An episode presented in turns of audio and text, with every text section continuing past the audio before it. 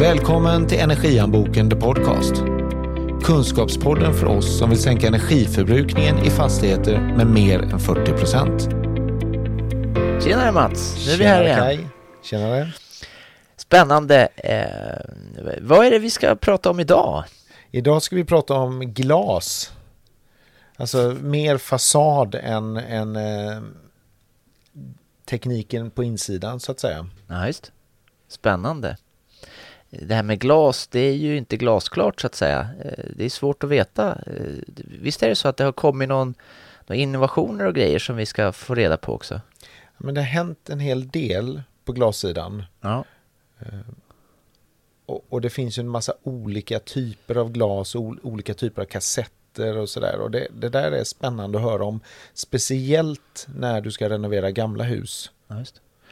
Så det här är ett avsnitt för dig som vill ha klarhet om eh, vad har det för effekt med olika glas så att man gör rätt val. Eh, så att säga. Och vem, vem är det vi ska prata med då? Vi ska prata med Jörgen Hell eh, som har jobbat med glas i hela sitt liv. Han är från Ryds glas. Ja. Och han är en smålänning som är uppvuxen i glasriket, eh, mitt i glasriket och, och, och, kan egentligen allt om både produktion, om eh, försäljning och liksom teknisk lösning och, och jobbar idag med att utbilda eh, inom, inom glas, både de, Ryds kunder och internt deras glasmästare. Så det var helt glasklart att ska vi prata med någon som kan så är, så det... är det Jörgen. Ja, just. Han är kung på glas. Ja, coolt. Men eh, ska vi köra igång? Det tycker jag. Ja.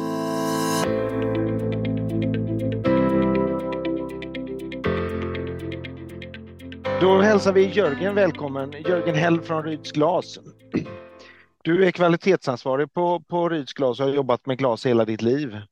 Ja, det stämmer bra det. Glaset är ju ett fantastiskt material så det var den branschen jag fastnade för och eh, kommer inte ur den nu utan väljer att stanna kvar med glädje. Och du är från Småland och där har man jobbat med glas i eh, flera hundra år. Ja, det stämmer. Min dialekt brukar avslöja mig och det stämmer bra att jag är från Småland, men eh, ja, mitt i glasriket kan man säga. Ja. Men eh, låt oss börja. Vi tänker att vem som helst som lyssnar på den här podden ska få en inblick i. Vi ska prata om glas.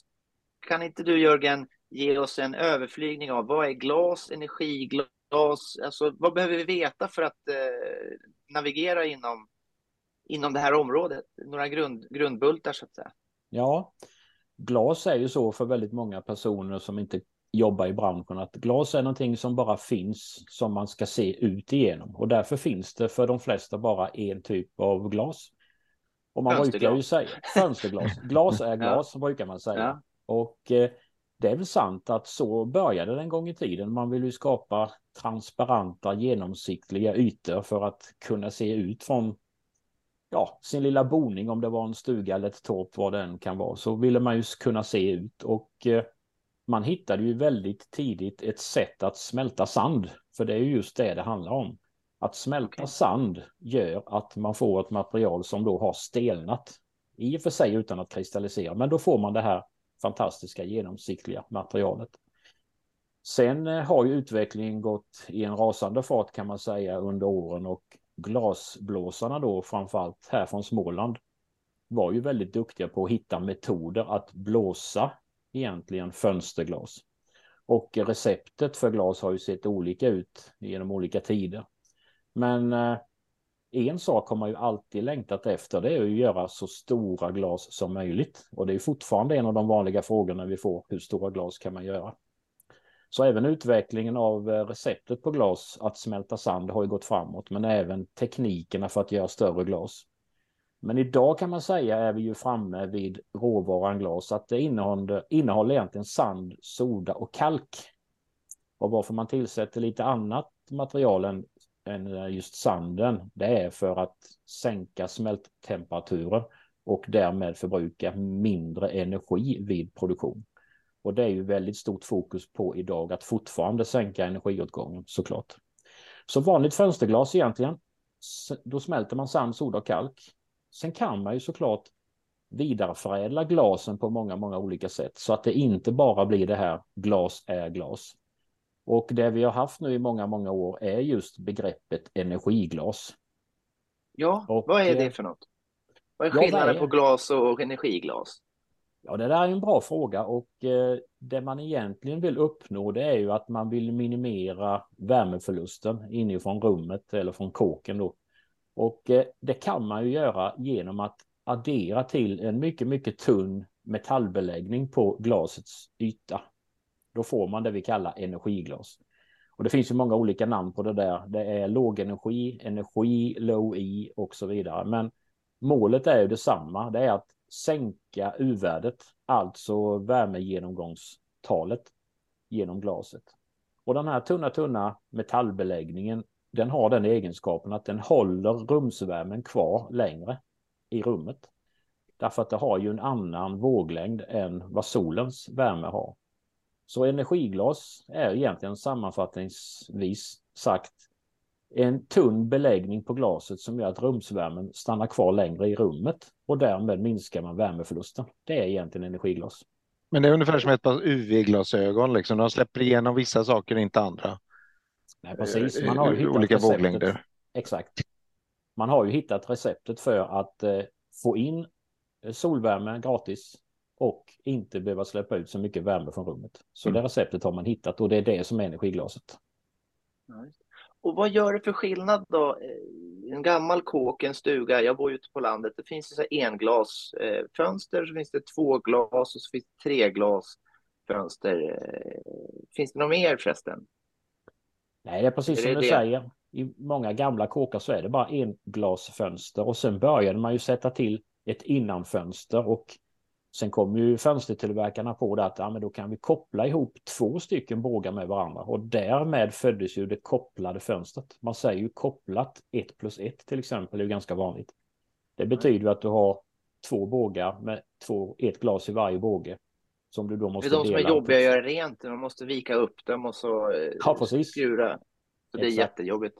Ja, dessutom brukar det vara sprays i de där så att det blir några glasytor att putsa. Absolut. Ja, det. Ja. Men när kom det då? Men, men det, kom, det kom i början på... Ja, Det kom ju början på, eh, kan man säga, på sekelskiftet 18-1900-talet. där. Ja, precis. Ja, Då kom ja. de fönstren. Då kom de Oftast. fönstren. Ja, Ja, ofta då med munblåst glas såklart. just det. Och de här treglasen som vi ser i nya villor och sånt där. Ja, Är det, Men det är ju mer kom de kassetter, det är ju något annat liksom. ja. När man sätter enkla glas i bågar så blir det ju också ett någorlunda bättre U-värde. Men sen kommer man ju på det att kan man tillverka så kallade isolerglaskassetter, då vill man ju få luften att stanna mellan glasen och minska konvektionen. Man ville stänga inne luften och få lägre konvektion och på det sättet skapa bättre U-värde.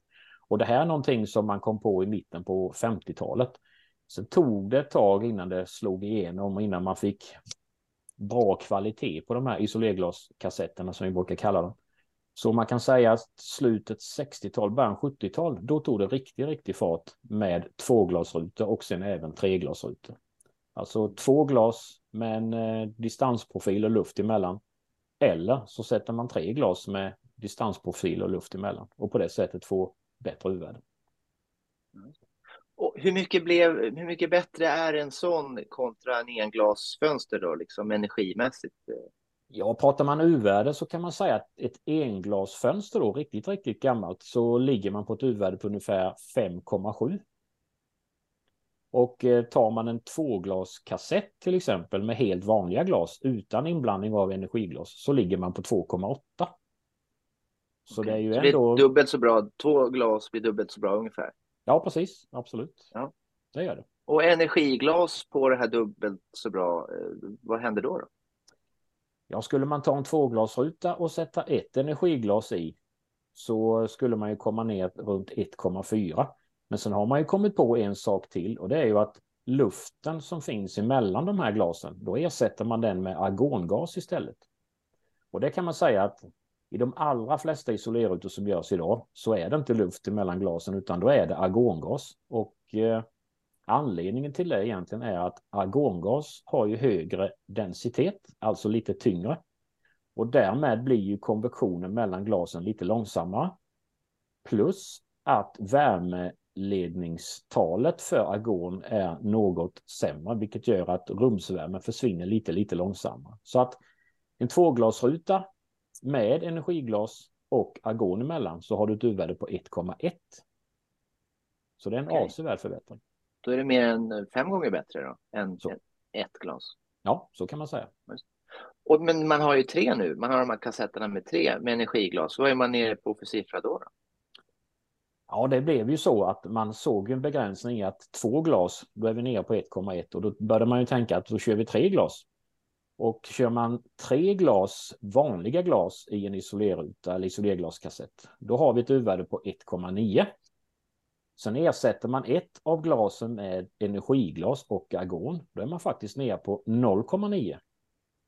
Men eh, det fiffiga är ju med en treglasruta, då kan du sätta ytterligare ett energiglas och ytterligare argonspalt och då är du nere på 0,6.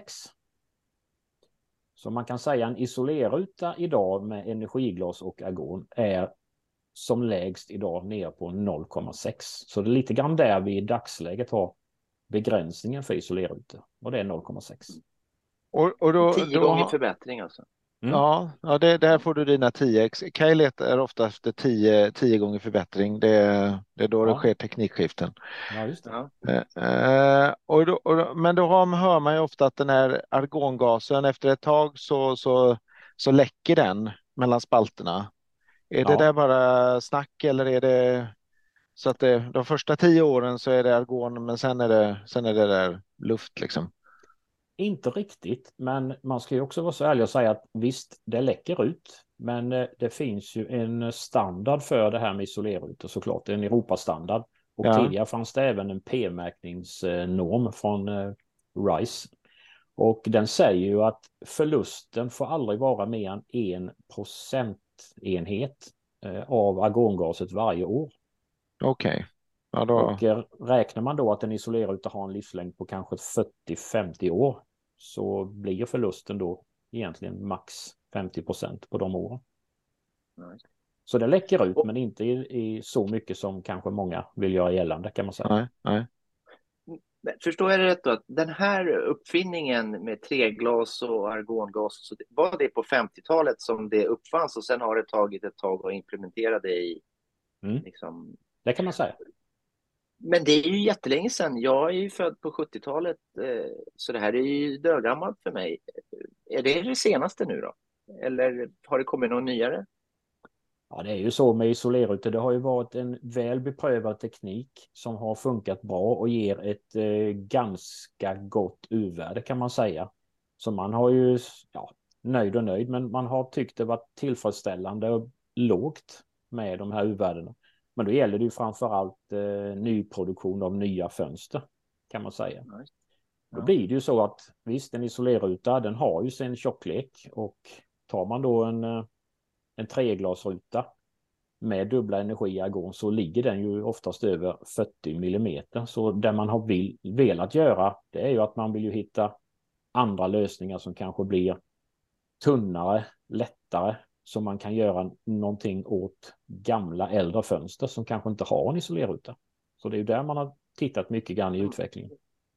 Så man vill ha samma energivärde, men man vill ha en tunnare som man kan renovera och ha liksom större frihet i hur man designar eh, fönster? Ja, det vill man ju. Har man löst det då?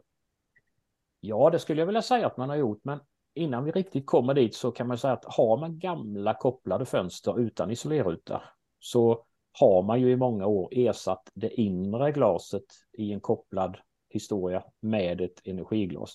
Och det ger ju ett någorlunda bättre u-värde och det är så många gånger man har fönsterrenoverat sina gamla fönster idag.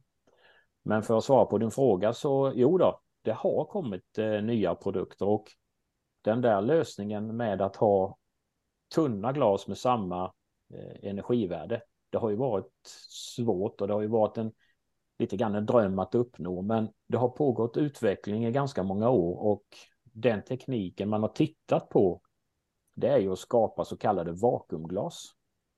Och, eh, vakuumglas? Ja. Men, men då, är det, då är det samma, det är samma glas, liksom. det har inte hänt så mycket på glassidan utan det är snarare hur man sammanfogar glasen Ja. Vi pratar om då? Det kan man säga, så det är ja. inget eh, hokus pokus med ny sand eller något jättekul material att smälta, utan glaset är fortfarande glaset och det används energiglas. Men det är ju så att eh, det finns ju många människor eh, som inte jobbar i branschen som när de ser en eh, två eller treglasruta tror att det finns vakuum emellan glasen. Men det är ju inte tekniskt möjligt därför att tar man en tvåglas eller treglas isolerkassett så kan man inte suga ur luften emellan glasen för då skulle glasen helt ja. gå ihop. Ja. Och när de nuddar varandra så kommer de att spricka. Och det där har man ju vetat om så att tricket med att tillverka vakuumglas det är ju att ha två stycken glas och försöka skapa vakuum emellan. Och när man skapar det här vakuumet då vill ju glasen gå ihop. Så ja, för de vill man... bågna in liksom. Det, det är det som är vakuum, att du suger ihop dem liksom. Ja, det är precis, ja. precis så är det.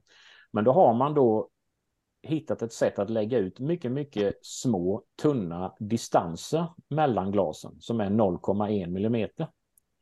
Så tar man ett, till exempel... Vänta, vänta, vänta. 0,1 millimeter, det är ju jättelite. Ja, det är lite. Ett hårstrå, hur tjockt är det? Är det Ja, det är väl kanske till och med lite tunnare, men vi är väl ungefär där och, och diskuterar. Okay. Så, så det, det, är det, ungefär som ett hårstrå. Ja, det kan man ja. säga. Du kan ta ja. ett hårstrå från mitt skägg, det är nog 0, är lite tjockare. ja, precis. Så det är små, sådana små, nästan obefintliga för ögat distanser som man mm. klämmer in emellan och så Men, suger man ut luften. Vad, man, är de gjorda i glas eller vad är de gjorda i? Ja, man har ju provat många olika material genom åren, men det man har kommit fram till som ger det Silikon. bästa resultatet, det är faktiskt att göra dem i polyester. Aha. Därför att de kan inte vara lika hårda som glas, för att då finns ju risken för att glaset spricker. Ja. Så det man gör, det är att man tar 4 mm vanligt glas, lägger ut sådana här små polyesterprickar, får man väl kalla dem för, på 0,1 mm. Se, ser man dem genom, med blotta ögat när man tittar genom glaset sen? Ja, är man, är man sån glasnörd som jag är, då, då ser man dem direkt. Eh, men för att svara på Vi frågan. Vi skulle så... inte se något menar du, jag och Mats? Kanske inte. Men det är väl så också att eh, stora glasytor i privata bostäder, om man sitter riktigt nära, då ser man dem. Det gör man. Så det, man ska absolut vara medveten om att det finns någonting. Men eh, kommer man ett par meter ifrån så försvinner de bort. Så att, eh, okay. ja, och eh, man lägger dit ett energiglas också i den här konstruktionen. Två glas då mot varandra, vakuum emellan. Och grejen med vakuum är ju lika väl som i termosflaskan man har hemma att vakuum leder vare sig kyla eller värme. Och på det sättet skapar man då U-värde som är lika lågt som en 40 mm treglaskassett. Wow. Så då är man nere på 0,6?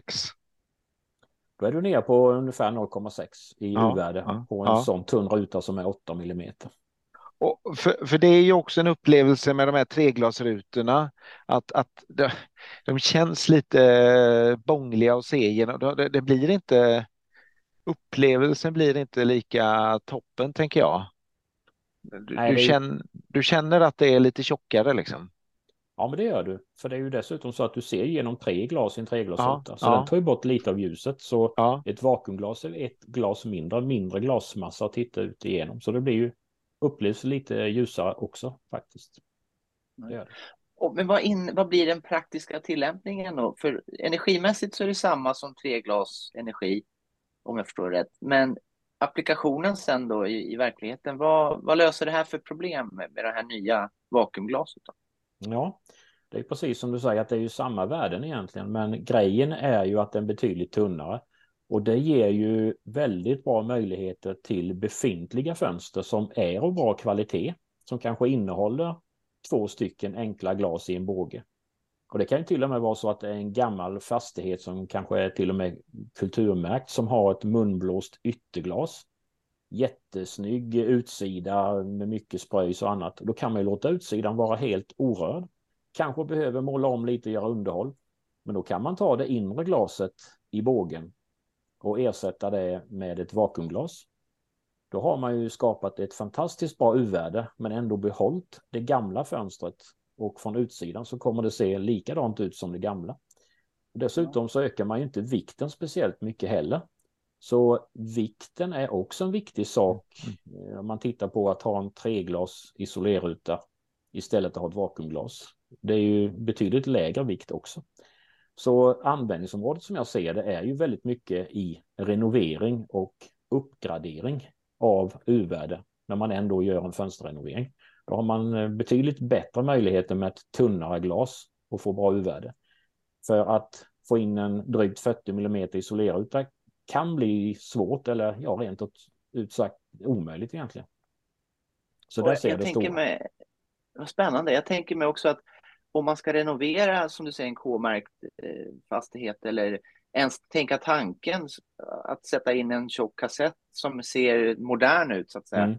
kommer förstöra hela känslan. Så då blir det som att man ska välja mellan att vara energieffektiv eller att man ska ha det här estetiska. Men det här ja. betyder att man behöver inte välja, utan man kan få både och så att säga.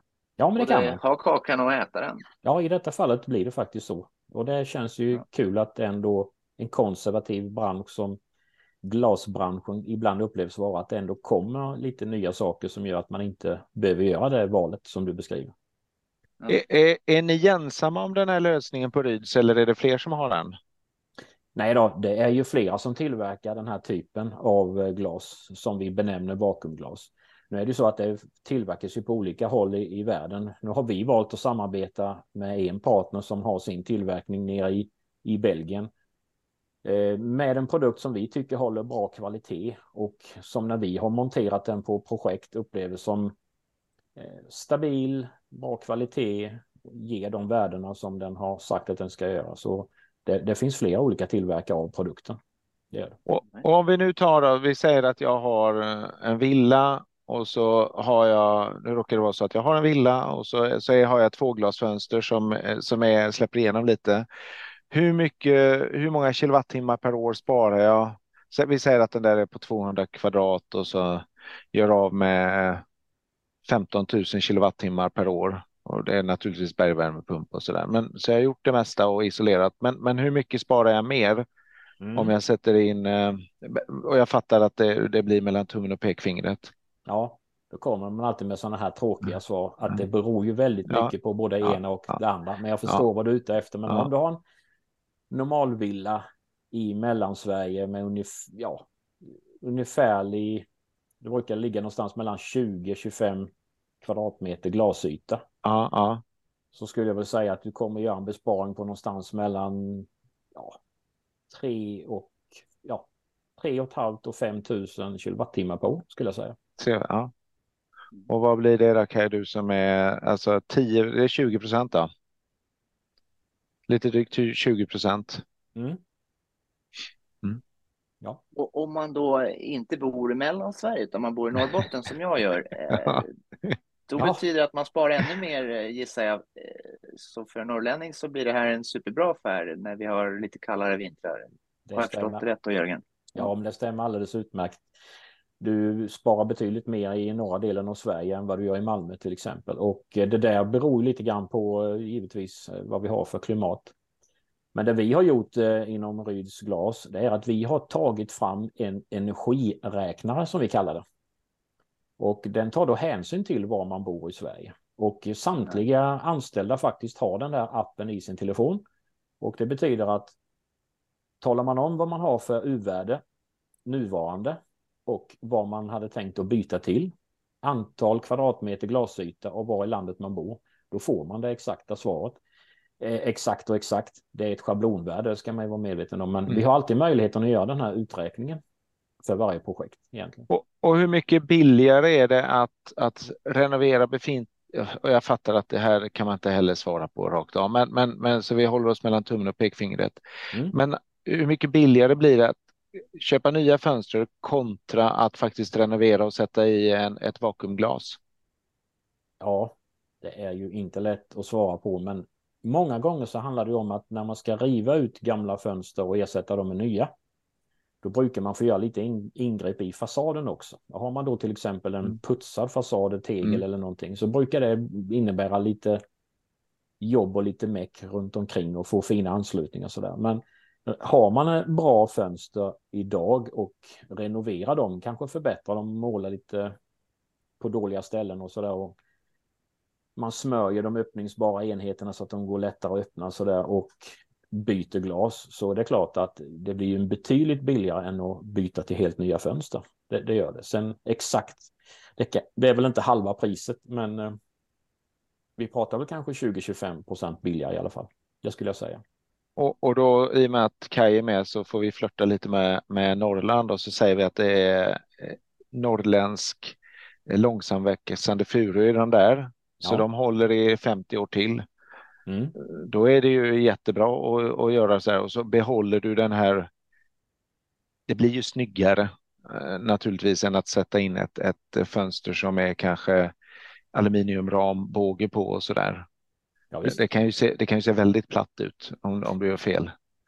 Det kan det göra och det är ju det en, en annan åker omkring och tittar på ibland. Man, man ser mm. att eh, där gjorde de lite tokigt. Där ser det mm. platt och nytt ut när det inte borde göra det. Så det har du helt rätt i. Absolut. Och, eh, om jag då har förstått eh, det hela rätt, alla avsnitt som vi har gjort med podden är att om man då eh, skalet på huset som då fönstren är en del av, mm. så har man bra fönster så gör det att de andra optimeringarna som vi pratar om, värmepump och ventilation, de blir ju ännu bättre så att säga. Så att lägger man ihop, det är inte bara de här 20 procenten utan man får ju fördelar av, av andra optimeringar som man har gjort också Eh, har jag förstått det rätt då, Jörgen? Ja, men det tycker jag absolut. Man eh, ska ju göra vad man kan på varje sak man kan påverka. Men när man optimerar de här sakerna som, som du talar om så blir det ju en helhet som absolut ger bästa effekt. Så det blir ju som ett väl stämt och väl spelat piano. När du har gjort alla saker rätt så då låter det bra helt enkelt. Mm. Ja, men det låter bra att höra. Ja. Eh, men, men, det gynnar ju en, en värmepump. Det är precis som du säger Kaj, det gynnar ju värmepumpen och du kan ju dra ner värmekurvan ytterligare om du inte har förluster, om du minskar förlusterna vid fönster och sådär. Eh, innebärande att du behöver ha lägre framledningstemperatur och, och det är ju liksom det svåra är de absolut kallaste dagarna. Ja. Det blir ränta på ränta, fördelar eh, kan man väl säga det som. Ja, det kan man säga. Och då är det ju därför det blir ännu bättre för dig som bor i Norrland då, än för oss sörlänningar. Ja, ja. så är det. Absolut, så ska ni tänka på att jag är smålänning med, så ja. vi är ju av naturen snåla. Så att... ja, men, du, ja, vet men det, vem, du vet vem som är snålast, va? Det är inte smålänningen. Alltså det är inte så? Nej, för, ja, men snå, smålänningen frågar i, all, i alla fall, vad kostar det? Vad kostar mm. det? Ja. ja. Men östgöten, han frågar, kostar det något? Ja, det är så det är, okej. Okay. Ja, då ligger vi, det är vi inte i topp i alla fall. Nej, men pratar man ändå om ekonomi och vad man kan spara så det här med att få en helhet och det är ju så att när vi nu tittar på fönster och uvärde det många personer säger och det är ju både stora fastighetsägare och privatpersoner det är ju att när man har gjort en förbättring av uvärdet så är det ju väldigt många som är överraskade över hur bra komforten blev efter. Att man slipper det här med kallraset. Det mm. kalla, kalla golv, det drar kallt runt eh, när man sitter nära fönstret och sådär. Har man förbättrat U-värdet då får man ju mindre kallras och då ökar man ju komforten. Sen är det ju en annan sak om man pratar pengar och kilowattimmar. Det är ju att kan man sänka inomhustemperaturen en grad så minskar man ju energiförbrukningen 5% Så där kan man addera till de procenten också då i det hela. I och med att du upplever, eh, du, du kan sänka den faktiska temperaturen och då, för upplevelsen blir så bra för du slipper ha det kallraset i, i nacken. Ja men precis, ja. och då minskar du 5% till. Ja, och sen så har du en ytterligare en grej tänker jag. Jag tänker att du får ett förbättrad ljudkvalitet va? Om du sätter in ett, eh, ett dubbelglas. Mm. Hur, vad händer med ljudet? Ja, ljudet eh, blir ju, ljudreduktionen blir ju såklart bättre när du sätter in eh, mer glas, kan man säga. Och sätter du in ett vakuumglas till exempel, då har du utökat eh, glastjockleken och då får du bättre ljudreduktion. På samma sätt som du sätter in en isolerruta så blir det också ja. bättre ljudreduktion. Och ja. man brukar ju säga ett sånt där schablonvärde på att Höjer man eller sänker man ljudet 8 decibel så upplevs det som en halvering eller en fördubbling. Mm. Och i det här fallet om man tar ett kopplat fönster och byter till och sätter dit så det blir ett glas till, antingen då isolerruta eller ett kopplat fönster, så handlar det just om de här 7 till 8 decibelen lägre. Så helt plötsligt så halverar du ljudnivån, vilket också givetvis upplevs som positivt av de som mm. gör en åtgärd. Mm. Och det är ju extra viktigt söderut där det finns mer människor som väsnas, eh, tänker jag, så att vi får med spannet här i, i, i vårt land. Ja. För du, du, du vill inte ha bort vargarna som ylar hemma hos dig, eller? eh, vi brukar också vilja höra någon form av rövarhistoria, det vill säga har du Jörgen någon, någon erfarenhet där du har sett något, eh, någon fastighet med eh, ja, ett skräckexempel skulle man kunna säga där, där du har eh, sen kunnat göra en stor skillnad med eh, optimering av, av, glas och så? Ja, alltså det finns ju mycket att välja på egentligen sådär, men när man tittar lite grann på det här med energi och hittar en liten eh, antingen skräck eller överhistoria, vilket vi nu väljer, så är det väl så att eh, just restaurang. Eh, där var jag i Stockholm, det är ganska många år sedan i och för sig, men det var en restaurang som eh, hade gjort en renovering och som skulle det vara en nyöppning. Nu var inte jag på invigningen för där var jag inte inbjuden, men jag väntade några veckor med att gå till den där restaurangen för jag är ganska intresserad av mat i största allmänhet. Eh, och man kliver in i restaurangen och detta var i oktober. Och man ser då att de har satsat väldigt mycket på ljuset, inredningen, porslinet, bestick. Man har lagt väldigt mycket pengar på att hitta rätt känsla och det skulle kännas varmt, det såg man på färgval och sånt där. Men sen när man väl får sitt bord, eh, vi var två personer och eh, man blev visad sitt bord och det visade sig att vi hamnar ju faktiskt jämte de gamla stålpartierna. Som man då hade valt att inte göra någonting med. Och känslan från det restaurangbesöket, det var ju just det här att man satt och hade en väldigt kall vänstersida av kroppen medan eh, högersidan var varm. Och då kände jag så här, när man ändå gör någonting och ska satsa på en ny restaurang och skapa en bra känsla. Dessutom så är det så att man, man möblerar ju också matsalen för att så många gäster som möjligt ska gå in. Och de som får fönsterbord på hösten och vintern, de får ingen bra känsla. Där hade man valt att behålla de gamla enkelglasen. Så ni kan ju tänka då ett stålparti med 6 mm vanligt glas med U-värde på 5,7. Det var ingen sån där jättetrevlig känsla. Så det restaurangbesöket kan jag säga, det levde liksom inte upp till de där 5 plus som jag hade hoppats på. Det är, väl en sån där svårt att väga upp maten med, med, med, eller liksom när man sitter och fryser. Ja, sen gör man ju många gånger så att man kommer på det här i efterhand. Och då drar man dit massa extra värmefläktar och grejer som dels låter och dessutom ger bara sån där punktvärme. Mm. Men eh, jag sa inte så mycket där och då, men jag har faktiskt besöker, besökt restaurangen i efterhand. Och nu sitter det faktiskt eh, nya partier med treglas isolerrutor. Så att eh, det kanske är dags att gå dit igen. Nice. Ja. Så eh, bara för att man väljer så att säga, det bästa fönsterbordet betyder inte att man, man får en bra upplevelse om det inte är schyssta glas. Så att säga. Nej, det är ju faktiskt så. Mm. Utan där hade jag nog hellre suttit närmare köket just den gången. Mm. Ja. Kan du inte säga något litet bara om, om eh, det, det fanns för 15 år sedan så var det poppis med att man la Eh, en, en beläggning på fönstren av sån nanoteknik och så skulle de vara självtvättande. Funkar det där Jörgen?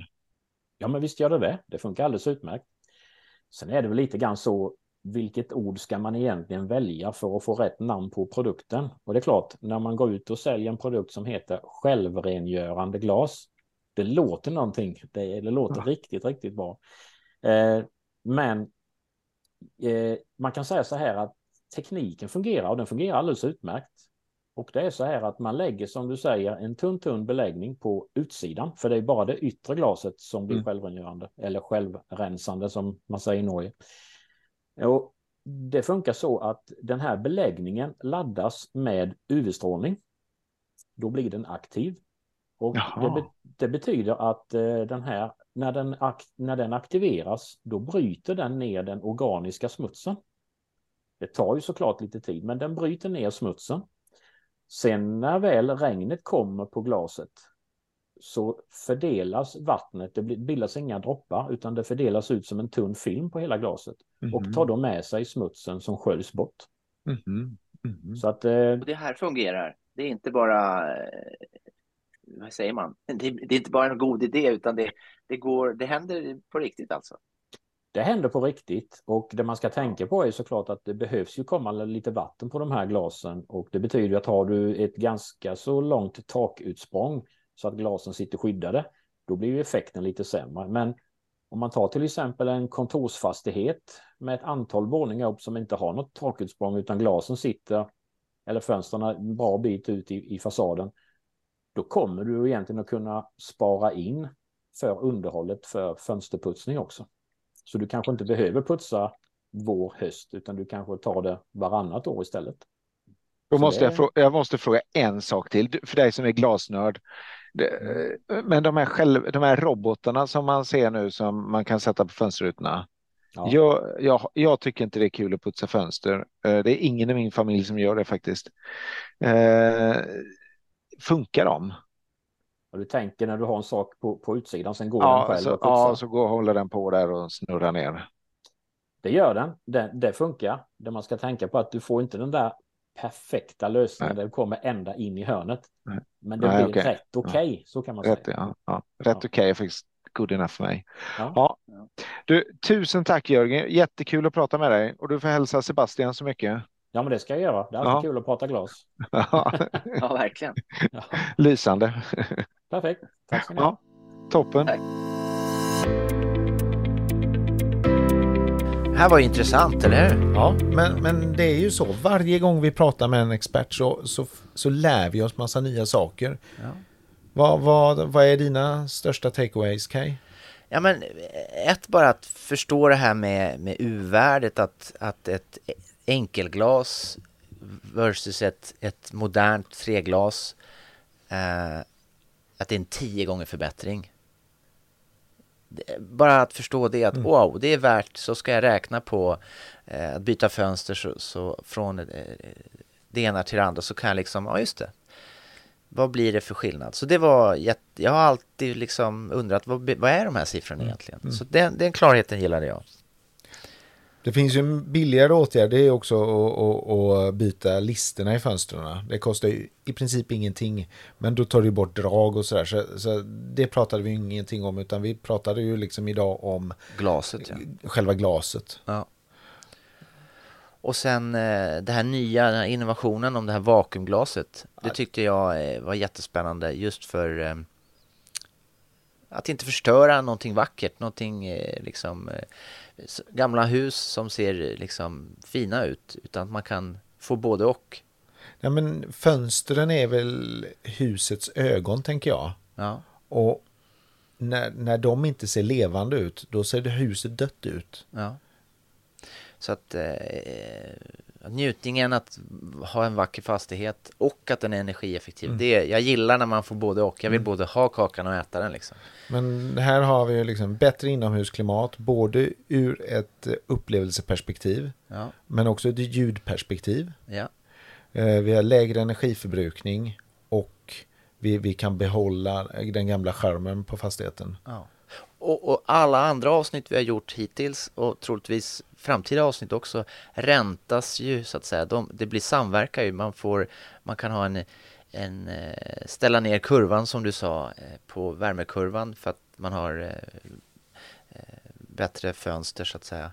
Och är det inte så att man kan också dimensionera eh, liksom sin värmepump annorlunda och man vet att man inte kommer ha samma drag och samma förluster? Absolut. Ja. Och, och sannolikt så, så sparar du mest när det är kallt.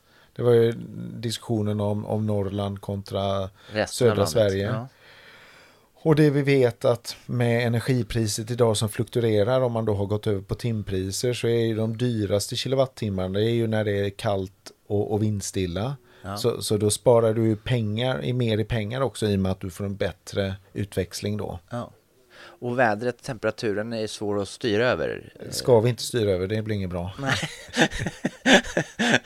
Den utomhus så att säga. Inomhus vill vi ha eh, bekvämt så vi överlever. Så ja. Ja, så det här var, det var lärorikt som vanligt och eh, sådär. Har du något mer eller är vi nöjda för idag? Nej, jag tror vi är nöjda för idag. Jag, jag tyckte att jag lärde mig nya saker och det, det, det där var saker jag inte hade koll på. Jag har koll på u-världen och sådär, men jag visste faktiskt inte att det var så stor skillnad som tio gånger förbättring mm. och att du kunde använda den här nya vakuummetoden. Nu måste jag kolla, jag måste få tag på sådana glas och kolla hur man ser de Man blir nyfiken, ja, eller hur? Ja, nu kommer jag ju spraya när man går i liksom köpcentrum och i hus man inte har varit i. Ja, Vad är det för glas här? Liksom? Ja, ja, ja, det är spännande livet. Man lär sig alltid något. Podden görs av oss på Indoor Energy. Våra kunder har de energieffektivaste fastigheterna för att vi är specialister på samverkan mellan kyla, värme, ventilation och styrreglerteknik. Läs mer om oss och våra 250 experter på indoor.se.